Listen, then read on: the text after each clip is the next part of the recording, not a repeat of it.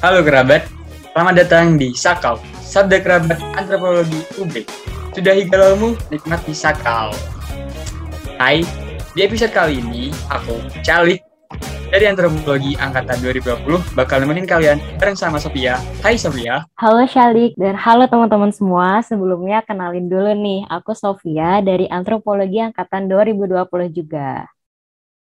Oke oke, Sofia, gimana nih kabarnya nih? Alhamdulillah baik. Gimana nih Shalik, lagi sibuk apa nih sekarang? Oh, kalau aku sih lagi sibuk ya di samping kuliah, aku juga ini lagi kerja kan di coffee shop gitu di kedai. Punya temanku sih barengan. Uh, jadi kuliah sambil kerja gitu. Ngomong-ngomong soal kopi nih, katanya kamu bawa temen yang katanya suka sama kopi juga ya? Oh iya, benar banget nih buat kali ini nih ada tamu kita, teman kita juga, kerabat kita, ada Mas Yanto. Halo Mas, Mas Yanto. Halo, halo. Apa kabar halo. semuanya sehat? Sehat, sehat Mas. Sehat Mas, boleh Alhamdulillah. Nih. Yanto, boleh nih kenalan dulu dong. Oh, oke, oke, oke. Halo semuanya. Halo Salik, halo Sofia, sama yang lagi dengerin. Saya Herianto Calvin, biasanya dipanggil Yanto dari angkatan 2016 Mungkin itu aja kali ya. Apa perlu yang lain tuh? Oke, Mas Yanto dari angkatan 16 ya, Mas? Iya, 16.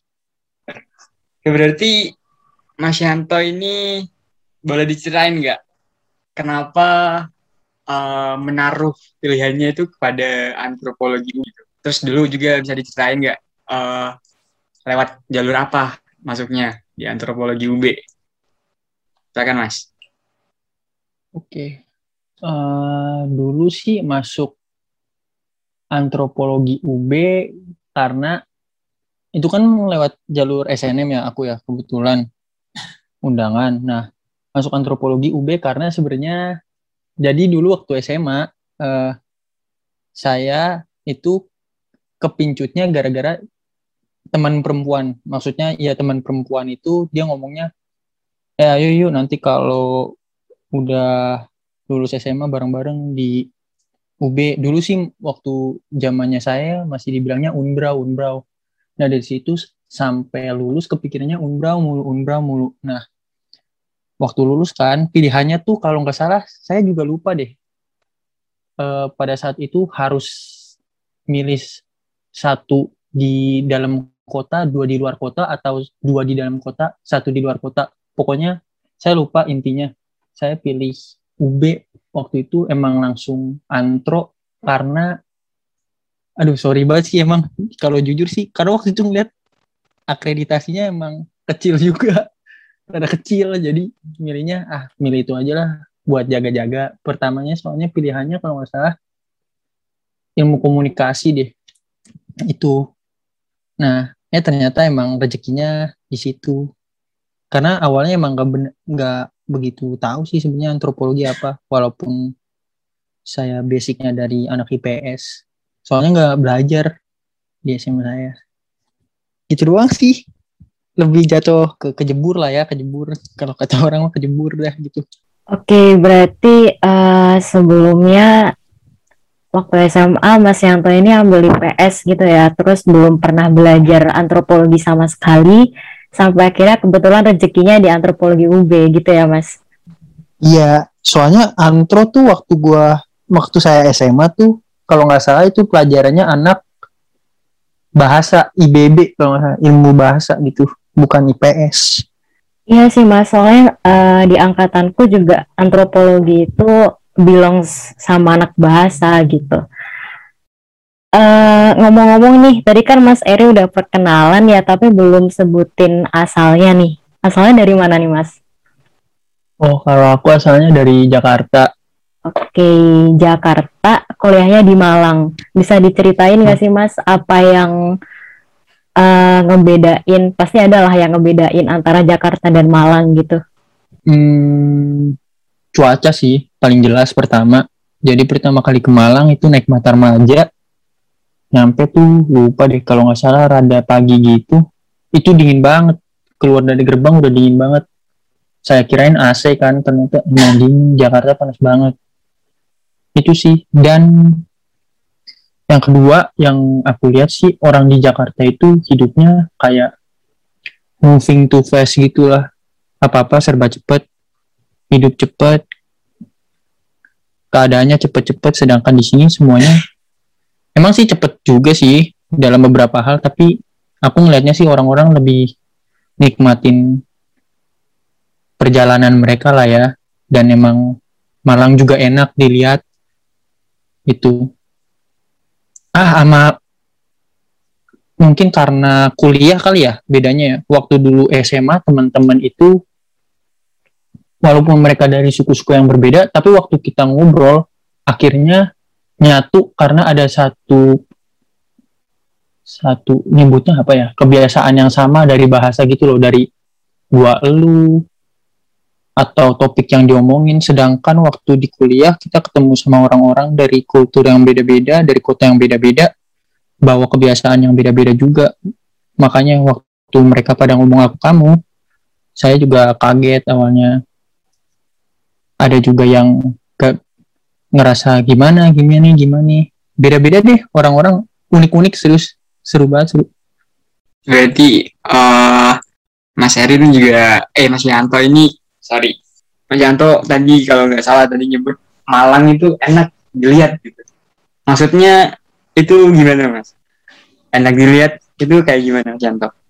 Eh, enak dilihatnya tuh nggak cuman karena gua yang saya rasa ya di Jakarta udah terlalu gersang kali ya sama orang-orang. Balik lagi yang tadi aku bilang ke, mm, kebiasaan orang-orang yang di Jakarta kayak bangun mereka langsung kerja moving too fast gerak cepet apa-apa cepet.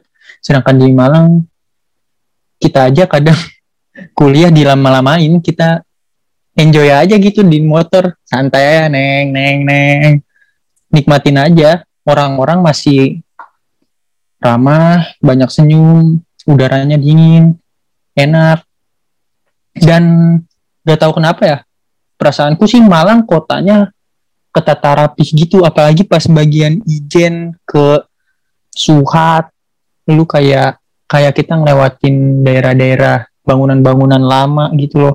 Eh tiba-tiba udah di kota lama di daerah-daerah pasar itu nyenengin banget aja. Bagus gitu loh kalau aku rasa ya. Soalnya kalau di daerahku aku rasa gersang apa apa udah pabrik udah panas gitu loh kayak nggak nggak asik udah nggak asik Oke, eh, tadi kan itu tentang Malang ya. Kalau ini nih pengalaman dari Mas Yanto sendiri pas waktu jadi maba di kan aku sama Sofian nih masih ibaratnya masih belum kenal lah sama lingkungan Malang. Kita masih belum ngerasain jadi maba offline gitu. Kalau dari Mas Yanto sendiri pengalamannya dulu pas jadi maba itu kayak gimana? Ada nggak semacam cultural shock gitu mas jadi maba? Dari peralihan dari siswa SMA nih ke mahasiswa ada nggak yang bikin Mas Yanto sendiri tuh wah ini nih gitu. Kok gini? Pengalaman itu kan aku pertama kali ke Malang itu ngekosnya di Sumbersari. Dan kosanku kebetulan emang dominannya itu anak eh, FIB pertanian peternakan sama teknik. Karena kan yang masih daerah yang deket sama Sumbersari itu fakultasnya itu. Kita bisa lewatin gang-gang kecil gitu kan di Kerto. Nah itu pertama kali di situ udah ngumpul ketemu teman-teman yang beda-beda. Hmm, habis itu kan lanjut ke hari H eh, ini tuh Raja Brawijaya tuh hari H ospek kan. Bayangin jam 4 pagi kan kita udah harus mandi di sono kita udah harus ngumpul di eh, UB buset. Malang airnya udah kayak air es. Dingin banget dingin parah dingin parah. Akhirnya aku cuma nyelupin tangan aja. Jujur aja aku waktu ospek aku nggak mandi karena wah aku emang orangnya aduh. Kadang mandi aja emang males. Ini udah parah banget dingin banget. Dingin bener-bener dingin terus sama senior juga kan sama senior kak senior kosan tuh kan akhirnya dipaksa buat mandi. Tapi tetap aja aku kagak mau. Soalnya dia, mereka ngomong ini mah nanti dinginnya sekarang aja. Nanti juga udah mulai panas kok. Tapi tetap aja sampai masuk kampus udah sampai hari H udah sampai selesai acaranya tetap aja dingin makanya. Saya juga bingung tuh waktu senior senior di ko- kosan ngomongnya bakalan panas. Mungkin mereka udah biasa ya. Aku sih sampai sampai sampai balik lagi nih. Sekarang di Jakarta aku ngerasa malah tetap dingin dingin aja sih. Kalau jadi waktu pengalaman jadi maba ya. Apa perlu diceritain juga waktu jadi maba antropologi gitu? Apa cuman secara general? Boleh sih Mas, kalau mau nyeritain maba antropologi nggak apa-apa. kalau ceritain maba antropologi tuh aku banyak lucunya sih ya soalnya mungkin senior senior 15 juga tahu. Jadi itu hari pertama aku masuk grup maba antro 16 itu aku udah berantem sama satu orang di angkatanku. Namanya Deva. Ya mungkin emang miskom aja kali ya akunya juga. Dan gak penting juga berantemnya. Jadi kalau dimain maba ceritanya lucu jadi belum ketemu teman aja udah berantem. Terus ketemuan kan tuh teman banyak seru-seru. Akhirnya ketemu senior senior di antro juga yang pada waktu aku masuk dominannya laki-lakinya gondrong. Serem-serem sangar-sangar. Bajunya kebanyakan waktu itu pada baju-baju dasiki gitu loh. Kayak baju-baju anak-anak indie yang di pantai terus pada make iket-iket kepala kalungnya banyak-banyak dekil-dekil waduh serem-serem banget terus cewek-ceweknya juga waktu itu senior-seniornya nggak kelihatan lemah gitu loh bukan kayak senior-senior cewek yang anggun gitu loh nggak ada ngeliatin Vili, Leli, tuh pada serem-serem banget dulu. Hafah. Jadi emang rada kaget dikit soalnya dulu kan punya kalau dulu di SMA kayaknya senior-senior mungkin ya di SMA ya biasa aja kali ya. Kali ini benar-benar pertemuan pertama kali mereka jadi ketemuan antara angkatan 16 sama 15 mereka rame. Angkatan aku juga rame tapi kita kan masih pada culun-culun tuh. Rambut rapi segala macam sedangkan lihat mereka yang bajunya berantakan ya kaget juga sih masuk antro gitu sih Oke, aku setuju sih Mas soal yang dingin-dingin tadi. Aku juga ngerasa Malang tuh dingin terus gitu. Apalagi musim maba. Mas denger nggak sih kalau katanya musim maba tuh Malang tambah dingin gitu? iya setuju setuju itu di antara bulan-bulan Juli Agustus September lah lagi dingin dinginnya Iya, betul. Dan tadi Mas Eri udah cerita banyak nih soal gimana sih Malang bisa jadi sesuatu yang bisa jadi kota yang berkesan gitu buat Mas Eri. Terus eh, di samping udaranya yang dingin sama soal berantem tadi itu, ada nggak sih Mas kayak pengalaman yang kurang menyenangkan gitu? Tadi kita kayaknya banyakin bahas yang menyenangkan ya. Sekarang ada nggak pengalaman yang sekiranya kurang menyenangkan gitu? kurang menyenangkan pas jadi mahasiswa kan intinya ya Iya, betul. banyak sih ya kalau kurang menyenangkan jadi sama jadi mahasiswa Eh, tapi yang paling kerasa itu eh aku kan tipenya kalau menyangkut hal-hal yang berbau akademik emang rada kesel kalau misalnya kagak sesuai target itu loh. Karena aku nargetin buat selesai gini gini gini. Jadi waktu itu pernah ada masalah aku ya namanya juga mahasiswa ya aku titip absen. Itu pelajarannya Pak Hipo. Nah ternyata Pak Hipo ngabsenin. Yang ketahuan tanda tangan tapi kagak ada orangnya ya dicoret matkulnya semester itu kudu ngulang lagi tiga semester depan. Bayangin tiga semester depan udah dah kita akhirnya ngadep waktu itu ke Pak Hipo sampai bikin grup namanya grup Bennett Pak. Nah ngadep ke Pak Hipo gak di ACC malah dia ngomongin soal hal-hal yang bersifat filsafat iya lah ala-ala dia gitu yang seru gitulah. Malah jat- jatuhnya kayak dakwah dakwah. Oke, terus eh tadi kita udah cerita soal Mas Yanto jadi maba, terus waktu sama Pak Hipo juga. Sekarang aku mau denger dong ceritanya Mas Yanto waktu jadi mahasiswa akhir nih. Waktu lagi nyusun skripsi dan sebagainya. waktu nyusun skripsi sih eh kan pembimbing aku tuh Mas Hatip sama Mas Doni ya kalau nggak salah. Jadi aku kedua dosen itu. Nah, eh, yang seru itu dua dosen ini jatuhnya eh, kalau aku bilang ya lebih dibilang bertentangan enggak eh, tapi eh, pandangannya beda beda gitu loh dalam menyusun skripsi yang aku rasa. Mas Hatip lebih pengen detail buat aku ngegali terus lebih dalam lebih dalam lebih dalam lebih dalam. Sedangkan Mas Doni minta aku memperluas memperluas dari apa memperluas itu tapi nggak memperdalam ya tapi lebih kayak memperluas subjek-subjek dari penelitian aku. Kayak misalnya fokus penelitianku tentang uh, hubungan resiprositas dan segala macam uh, akhirnya sama Mas Doni dia juga minta ngomongin soal kultur uh, kopi yang lebih luas lagi entah dari luar negeri dan segala macamnya nah itu tuh yang seru. Jadi akhirnya hmm, penelitianku mungkin bis, skripsinya bisa jadi lebih kaya ya. Nah, dulu waktu skripsi aku tuh tipenya ngebut gitu sama Mas Hipo eh sama Mas Hatip karena uh, sama Mas sama Mas Hatip tuh santai banget ya ngomong aja gua lu dan segala macamnya. Saking mungkin santainya, gua, saya tuh pernah ngadep dia udah revisi segala macam. Saya tuh cuman di datang dia ngeliat terus dia ngomong Z baca-baca. Dia cuma ngomong kayak gini uh, lu, ngerjain apa? Nyimeng sih lu selama ini ngapain aja sih? Gak, gak ada perkembangan lu. Gue lihat nyimeng lu ya selama ini ya?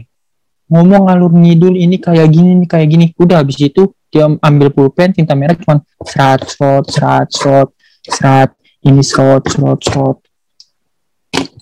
Itu kali ya. Ngedown sih ngedown sama Mas Hatip apalagi Mas Hatip sebenarnya uh, saya tahu omongan dia tuh maksudnya biar ngantem saya biar saya sadar. Mungkin kaget juga ya. Mas Hatip apalagi kan serem hitam gede Ambon. Jadi kelihatannya nggak mendorong sih lebih ke ke mengintimidasi diintimidasi orang Ambon. Gitu sih. Nah waktu skripsi uh, aku juga lagi sambil uh, ngurusin um, usahaku. Jadi ya satu hal yang kayak aku sesalin tuh uh, ketika aku lihat di yang lain di grup itu saling bisa sharing-sharing soal skripsinya, saling bantu satu sama lain, saling ingetin. Aku merasa aku kurang berpartisipasi di sini, bukan teman-temanku ya, tapi aku yang kurang berpartisipasi karena aku juga ngeliat HP-nya telat kali dan segala macamnya ketika bisa berproses bareng karena kan itu momen-momen terakhirnya ya bareng teman-teman ya. Walaupun sebenarnya saat-saat skripsi itu lebih banyak bersifat individu sih daripada bertemu sama kelompok-kelompok gitu kan. Tapi seenggaknya aku melihat yang lain tuh masih ada momen bareng-barengnya gitu loh yang bisa disediain sedangkan aku hmm, enggak paling sama beberapa orang aja. Jadi kayak oh waktu mereka cerita oh lu duduk kayak gini gini gini gini sedangkan aku kagak ada di momen itu kayak ngerasa ah coba waktu itu kayak gini gini, gini kayak gini gini, gini. pasti bisa pasti seru. Tapi ya udah kejadian mau gimana lagi? Ya aki makanya untungnya sih skripsinya berjalan dengan lancar hmm, dan um, apa yang aku pelajarin di kuliah untungnya juga sesuai dengan jalur dan minatku. Jadi ketika aku flashback lagi soal mata kuliah mata kuliah yang pernah aku pelajarin oh ternyata uh, hal yang aku pelajarin ini aku pikir waktu pengaplikasiannya uh, gak bakal kepake-pake banget. Karena aku dulu tipe orang yang mikir ah teori ini gak bakal kepake-pake banget kok. Pasti udah gak begitu relevan apalagi udah terlalu jauh gini gini ternyata masih kepake dan emang teori itu ya relevan sampai sekarang yang aku yang sesuai dengan skripsiku ya. Itu sih. Seru banget seru Eh, seru banget kayaknya kalau dengerin masa-masa perskripsian gitu ya mas. Emang kalau skripsi itu emang momen yang bisa dibilang kan cuma tinggal garap skripsi aja kan. Juga kan dipikir bakal lebih santai gitu. Jadi mungkin masnya juga uh, di samping ngurus usaha yang gratis usaha juga bikin skripsi nah dilematisnya di situ mungkin letaknya ya mas nah iya iya iya sih betul betul hmm, kalau boleh tahu nih mas Mas Yanto nih ke waktu itu lagi ngerintis usaha apa nih? Lagi ngerintis usaha uh, kedai kopi sih. Oh, kedai kopi. Uh, kok bisa ke ah tadi kalau nggak salah skripsinya tentang kopi ya mas? Iya tentang kopi juga. Oh jadi relate juga ya sama apa relate. Lagi diusahain waktu itu ya? Iya iya.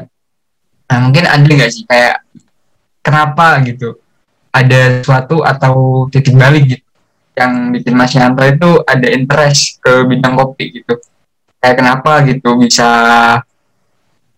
dari skripsinya dari usahanya itu tentang kopi gitu apa yang bikin Mas Yanto sendiri jatuh ke sana gitu uh, kenapa jadi tentang kopi terus? Karena pertama kan dari semester dua ketiga kalau nggak salah ya nah, saya itu udah kerja part time karena emang saya harus kerja part time buat memenuhi banyak kebutuhan yang ada yang perlu dipenuhin lah selama kuliah. Nah eh, pekerjaan part pertama saya itu tuh di kedai kopi di Warkop Brewok. Warkop Brewok. Nah di situ saya kerja kalau nggak salah hampir kurang lebih setahun kerja. Saya juga deket tuh sama owner-ownernya ini nih pemilik-pemiliknya. Nah dari situ saya mulai belajar nggak cuma sekedar uh, dilatih untuk pandai ngebuat minumannya segala macam tapi saya juga diedukasi buat ya bangun usaha berbisnis segala macam di situ. Belajar dari mereka ambil ilmu dari mereka mereka meyakini saya buat ya udah daripada kamu kayak gini terus kenapa enggak jadi partner juga segala macam nah akhirnya saya beraniin buat bikin usaha.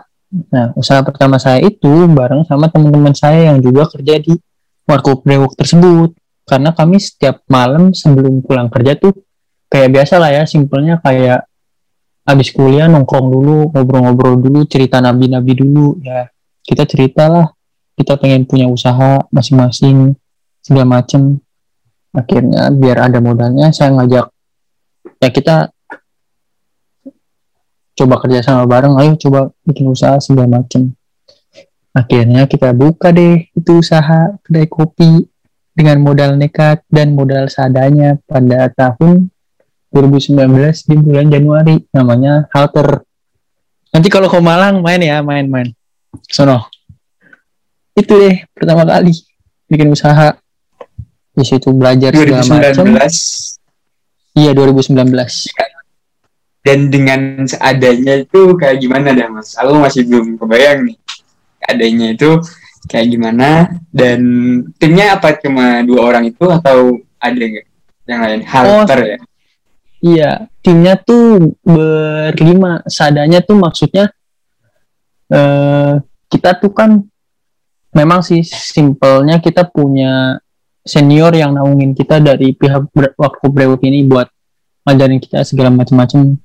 Uh, yang seadanya tuh kita benar-benar masih buta karena selama ini kita kan tahunya cuma teknis kerjain. Untuk bikin usaha itu sesuatu yang baru. Paling mulai-mulai diedukasinya sama uh, owner waktu brewok kita kerja dulu tiga bulan terakhir lah. Jadi kita masih banyak uh, takutnya kagetnya takutnya gini nggak ya? Takut gitu nggak ya? Sayang nih nanti kalau gagal gimana? Kalau gitu gimana? Tapi akhirnya banyak pihak yang coba kuatin. Ya udah kita coba buka dengan modal seadanya juga. Yang akhirnya yang lebih tepatnya sih modal dari kita seadanya dan kita akhirnya ngeberanin buat pinjem uang. Simpelnya gitu pinjem uang. Nah kita coba akhirnya buka deh itu usahanya.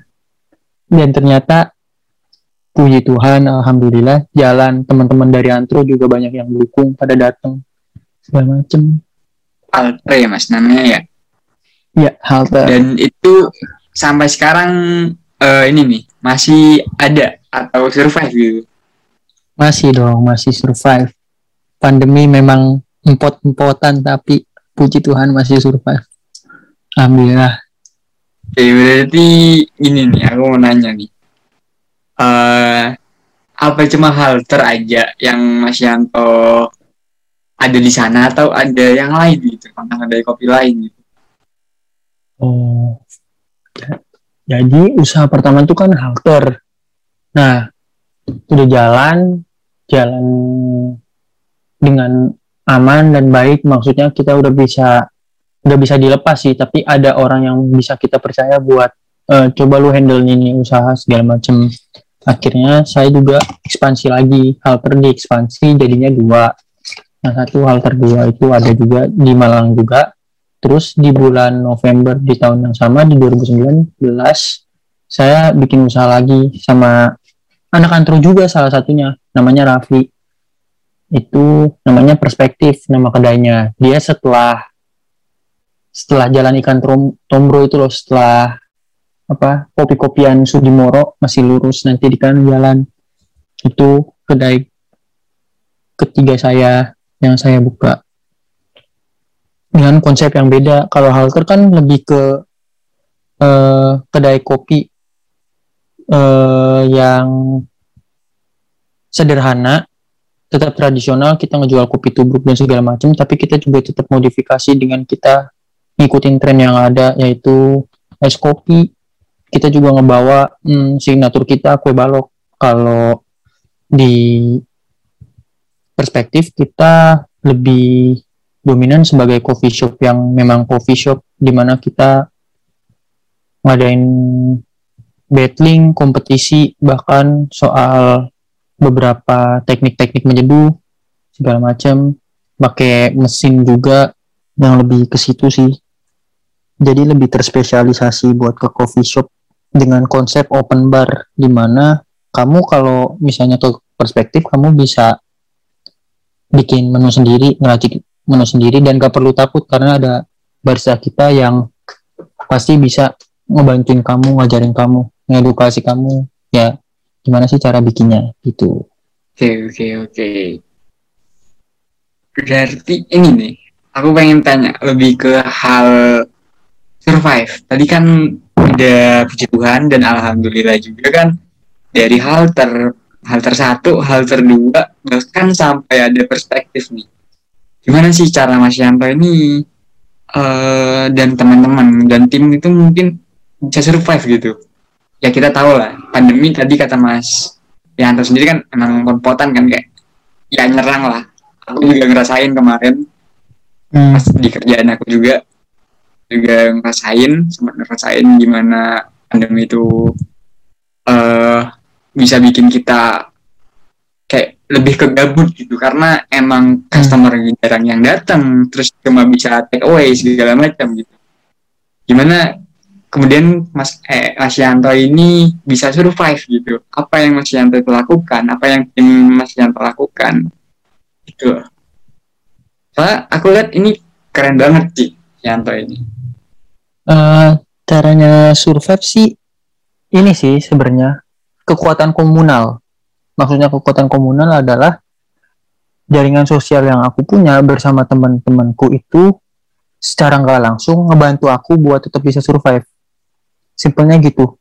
Mereka tetap datang waktu keadaan kedai tutup dengan tetap mesen entah segelas, dua gelas, bahkan kadang bikin sendiri dan di satu di satu sisi kekuatan komunal kuatin, di satu sisi internal kita manajemen kita harus tetap menggunakan prinsip ATM yaitu amati, tiru, modifikasi. Kita coba cari bentuk marketing, bentuk eh, bentuk-bentuk campaign atau promo dan segala macam yang bisa bikin operasional kedai berjalan tanpa harus ngebuka. Sebenarnya keadaannya waktu itu kedaiku yang halter sih masih buka yang halter satu ya, tapi memang sangat limit paling 10 orang doang dan itu juga dijarakin segala macam sedangkan perspektif halter 2 pure tutup. Kita cuma menerima sistem take away dan jemput bola. Jemput bolanya itu kita apa eh, selain kita nerima orderan dari GoFood, GrabFood, Shopee Food segala macam itu kan kita juga bikin sistem apa eh, pesan langsung lewat WA wa- yaitu waktu itu WA aku buat menu-menu yang ada di perspek atau di halter juga. Kita juga ngejual kopi botolan dan pastinya kita harus ngelakuin yang namanya promo. Misalnya kalau uh, kamu order di GoFood atau di GrabFood dapatnya segini. Tapi kalau kamu go order langsung via WA dan segala macam kita kasih potongan cashback segala macam atau dapat gratis ini gratis itu atau lebih ke free ongkir se Malang dan segala macamnya itu sih yang lebih dikuatin pada waktu itu dan yang bikin survive juga adalah yang paling penting adalah yang aku lihat sih teman-temanku waktu itu di Kopian Malang banyak yang akhirnya uh, stop kan karena keadaan kayak gini. Menurutku juga karena internal yang nggak kuat, internal yang nggak kuat adalah mereka sesama tim tim yang mengelola ya tidak percaya, nggak punya satu landasan dasar yang sama kalau usaha ini memang bisa melaju ke depan, nggak punya kepercayaan bareng kalau ini usaha bisa survive. Yang akhirnya uh, memutus pikiran positif, satu memutus pikiran untuk cari solusi. Karena karena prinsipku sih kalau kita ngelihat segala hal itu lewat sudut pandang masalah yang keluar masalah terus masalah terus. Tapi kalau kita ngelihatnya kesempatan yang ada pasti ada peluang lewat pasar itu. Walaupun keadaannya lagi kayak gitu ya. Yang buktinya kita bisa survive. Selain itu, uh, financial planning itu memang diperluin kita untungnya kedaiku sih selalu punya yang namanya saving yang kita keluarin setiap bulannya. Jadi waktu keadaan pandemi kayak gini kita kagak bingung pontang panting buat nutupin banyak hal yang bisa ketutup pengeluaran bulanannya misalnya dari bayar uang listrik kah atau kontrakan kah atau air dan segala macam karena kita punya uang saving bulanan yang udah ke save sebelumnya yang udah kesimpan dan gak kepake. Jadi dalam keadaan force major atau keadaan bencana yang seburuk-buruknya kita masih punya plan B sampai pensi jadi gitu selalu ada antisipasi dulu sebelum penanggulangan. Intinya gitu sih keren banget sih Mas Yanto jadi uh, ada manajemen yang dikelola dengan baik gitu ya. Terus kerjasamanya juga dikuatin kerjasama internalnya. Terus uh, aku tertarik nih sama cara Mas dan rekan-rekannya buat mempromosikan produk tadi. Kan kayak uh, promo lewat medsos ada cashback segala macam uh, aku penasaran ini sih Mas cara Mas dapet pelanggan pertama gitu kan tadi Mas bilang nekat usaha, nekat buka usaha dengan modal yang seadanya gitu. Nah, apakah pelanggan yang pertama ini dari teman-teman Mas atau dari siapa tuh? Mungkin boleh diceritain. Oh, kalau pas mulai usaha, uh, ini sih yang diperluin, makanya uh, sesuai dengan skripsiku tentang kopi-kopian itu, sebenarnya perkopian di Malang itu, kalau kita lihat kan perkopian di Malang banyak banget. Dan kita mikirnya ah gila deh. Kopian di Malang udah banyak tapi kenapa sih tetap aja ada orang yang bikin kedai kopi? Tetap aja ada orang yang bikin kedai kopi. Karena pada dasarnya kedai kopi di kota-kota Malang itu mereka nggak berkompetisi antara satu dengan yang lain. Pada dasarnya mereka itu berkolaborasi. Mereka ngecoba bikin satu sama lain itu untuk survive makanya untuk datengin kedai apa pelanggan pertamaku aku harus bikin sebelum aku mulai tahu pasarku dulu malah lebih tepatnya aku harus kenalin dulu pasar kopian Malang kayak gimana sebelum aku nargetin pasarku yang kayak gimana. Jadi maksudku aku coba kenalan dulu ke kedai-kedai kopi lain aku main aku coba sharing aku coba cerita. Jadi ketika aku buka kedai mereka notice kedaiku aku ngajak mereka buat datang mereka pasti ada hubungan resiprositas di situ tuh. Mereka bakal datang mereka bakal jambut kedatangan kita sebagai kedai baru. Mereka bakal ngebantu kita lewat banyak hal lewat banyak halnya itu karena sebelumnya kita udah ngebantu mereka udah sharing-sharing sama mereka udah ngeramein kedainya mereka mereka bakal datang ngeramein kedainya kita waktu pembukaan. Mereka juga bakal ngebantu dengan mereka biasanya nanti bakal bawa susu. Kadang ada yang bawa tanaman kadang ada yang bawa beans buat di paging ya buat sekedar gift aja gift terus ada yang juga ngebantu lewat sosial media biasanya promo kayak misalnya kedai ini baru buka mereka nanti bakal share di sosmed. Eh selamat ya atas bukannya kedai ini kedai ini kedai ini. Begitu. Cara untuk dapetin pelanggannya setelah jadi itu kan sebelumnya buat nyari pasarnya tuh. Cara untuk mendapatkan pelanggannya pas eh, secara teknisnya sih. Kalau aku waktu itu pakai sistemnya funneling persahabatan. Di mana eh, aku kan punya jaringan sosial. Teman-temanku juga punya jaringan sosial. Mereka nggak bawa jaringan sosialnya ngeblend di situ. Jaringan sosial orang-orang ini nih teman-temanku kan mereka akhirnya kekuatannya kan mulut ke mulut atau lewat sosial media tuh sharing segala macem. Akhirnya teman-teman mereka datang nah itulah tugas kita sebagai manajemen. Kita turun ke situ yaitu kita kenalan sama pelanggan kita. Karena waktu itu keadaannya waktu kedai aku baru buka aku itu sekaligus pekerja aku juga jadi barisannya karena kita belum bisa nge-hire orang waktu itu. Dan kita pengen ngetes pasar kita dulu gimana sih keadaannya selama 2-3 bulan pertama.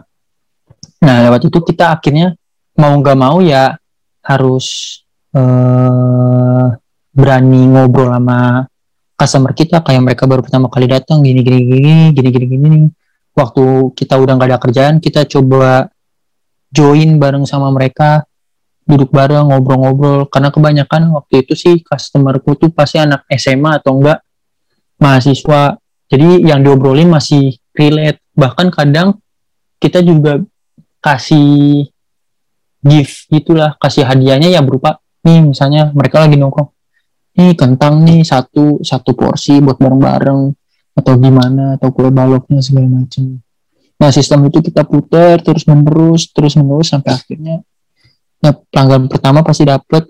Pelanggan kita akhirnya tetap walaupun keadaannya gimana pun kita pelang, misalnya pelanggan lama pergi karena mungkin ada tempat baru yang lebih nyaman yang lebih tenang sesuai dengan kemauan mereka kita dapat pelanggan baru yang lain karena jaringan sosial yang sebelumnya kita deketin itu mereka ngebawa temen-temennya yang akhirnya kita deketin lagi.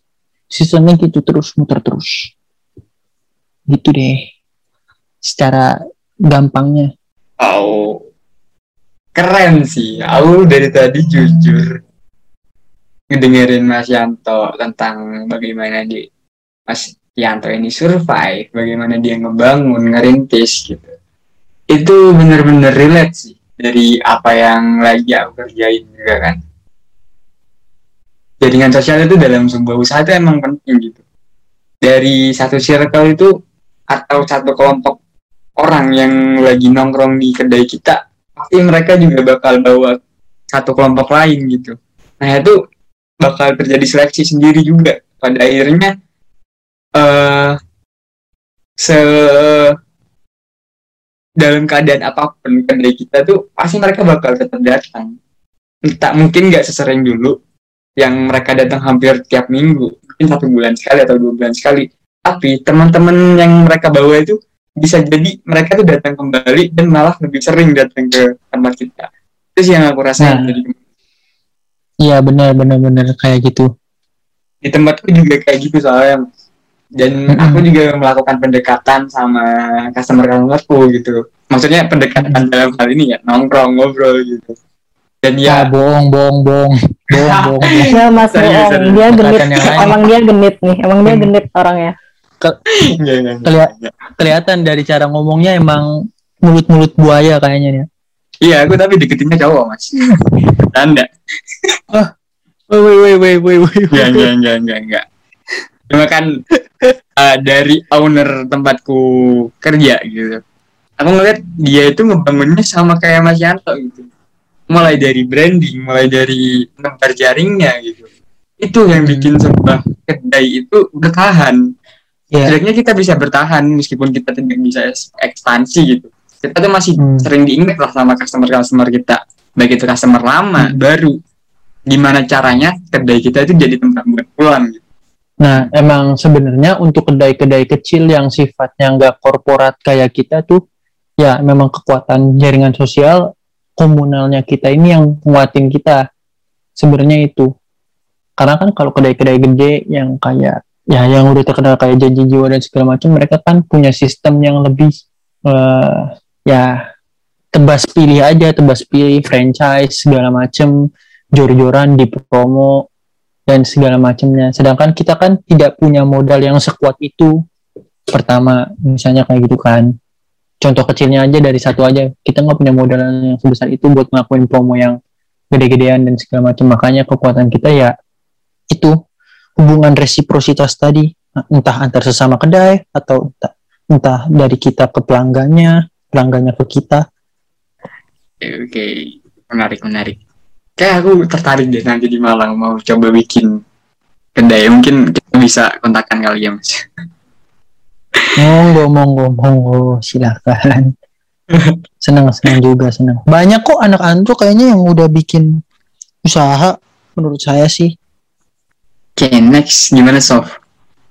Aku nih kepo sih dari tadi masalah menunya nih, menu kopinya itu. Mas Yanto punya ini nggak sih kayak menu yang berkesan gitu bagi Mas Yanto? Entah dia merupakan inovasi dari Mas Yanto sendiri atau gimana gitu. Atau mungkin Mas Yanto punya sesuatu yang baru yang kedai lain nggak punya gitu. Menu andalan lah intinya gitu. Boleh diceritain Mas?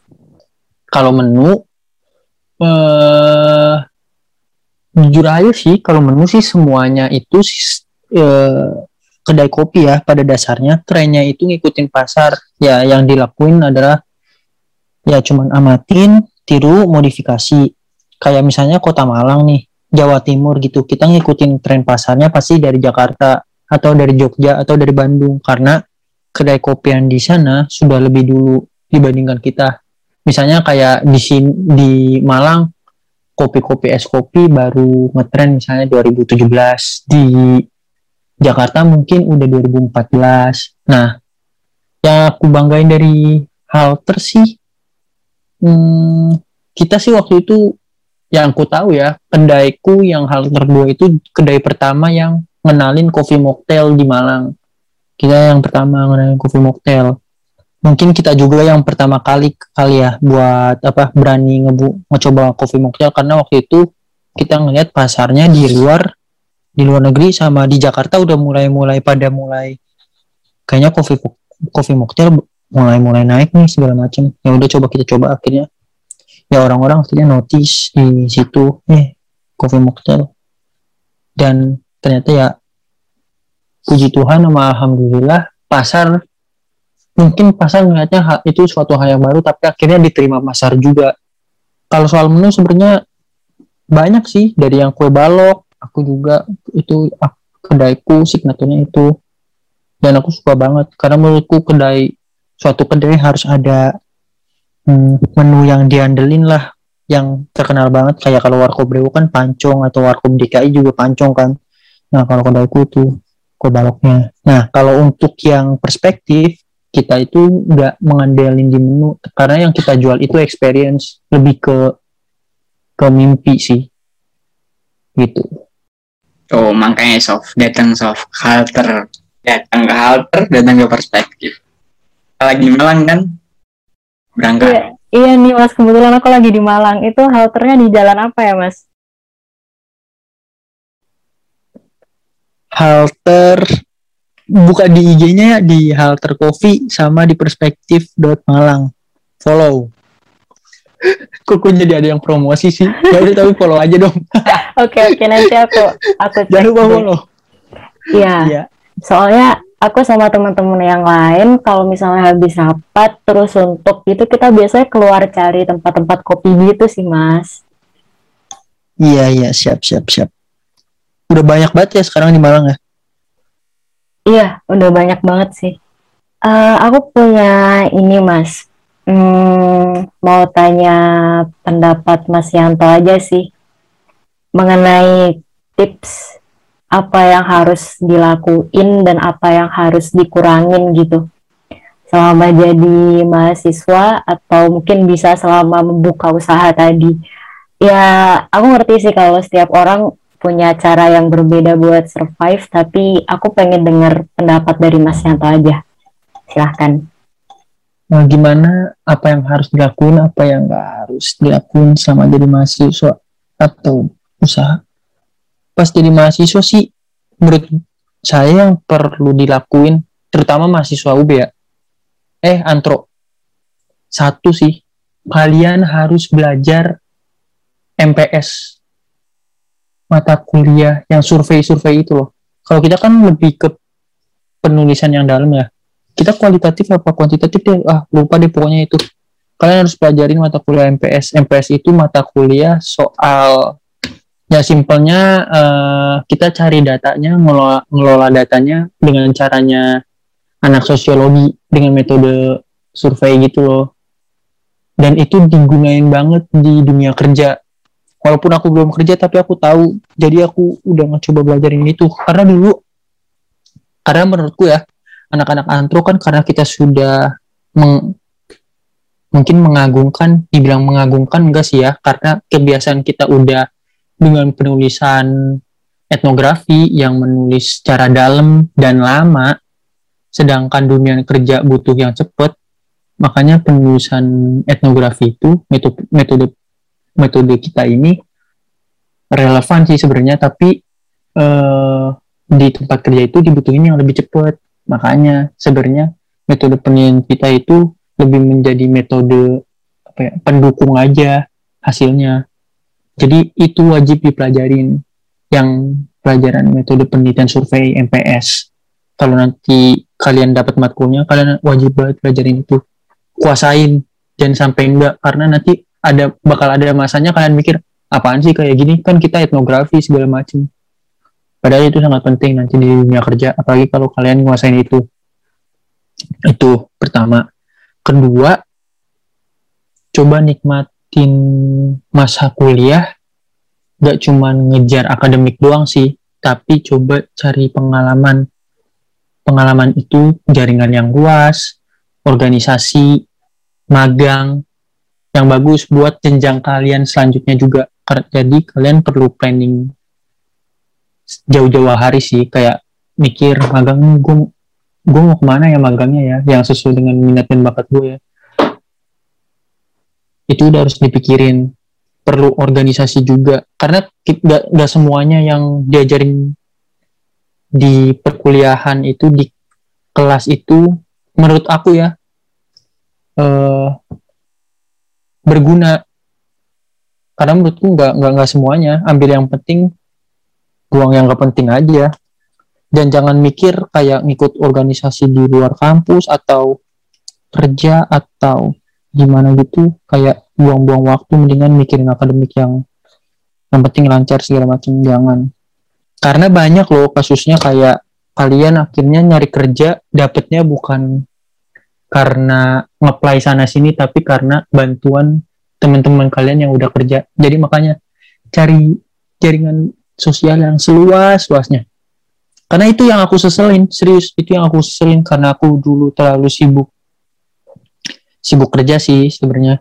Sibuk kerja jadi aku kagak cukup main-main di ranah kuliahnya gitu loh. Kayak temanku gak sebanyak yang aku harapin apa terus ngikut kegiatan-kegiatan organisasi gitu nggak bisa maksimal karena memang harus kerja buat menuhin segala macem. Jadi kalau bisa kalau emang bisa semuanya sih keren sih dibikin balance gitu.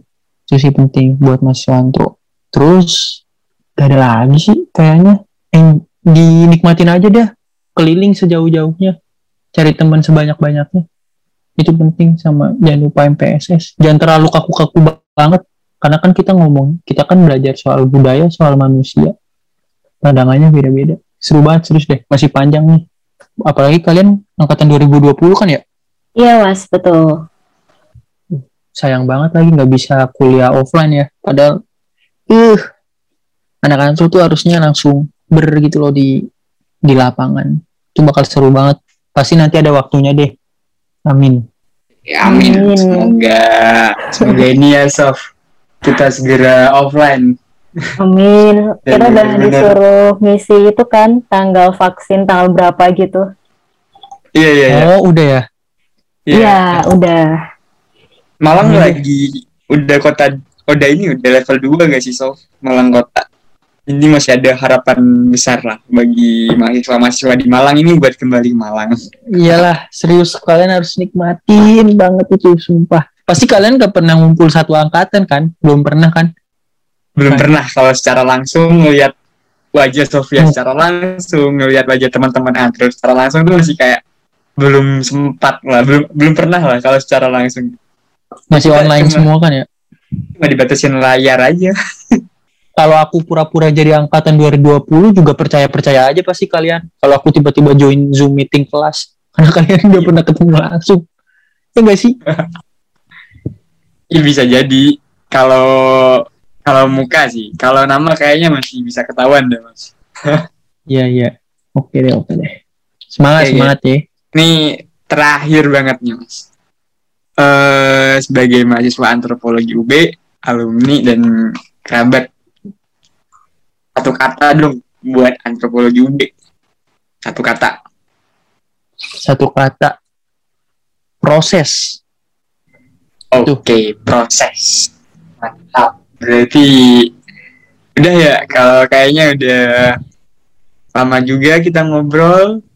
Satu kata dari Mas Eri, proses. Dari tadi kita ngobrol tentang awal dari maba sampai akhirnya Mas Yanto ini juga bikin kedai segala macam itu proses. Oke. Mas, semoga eh, kita di sini sama-sama sehat ya. Dan juga untuk para teman-teman yang dengerin Sakau kali ini dapat mengambil apa yang bisa bermanfaat bagi mereka. Amin, amin, amin.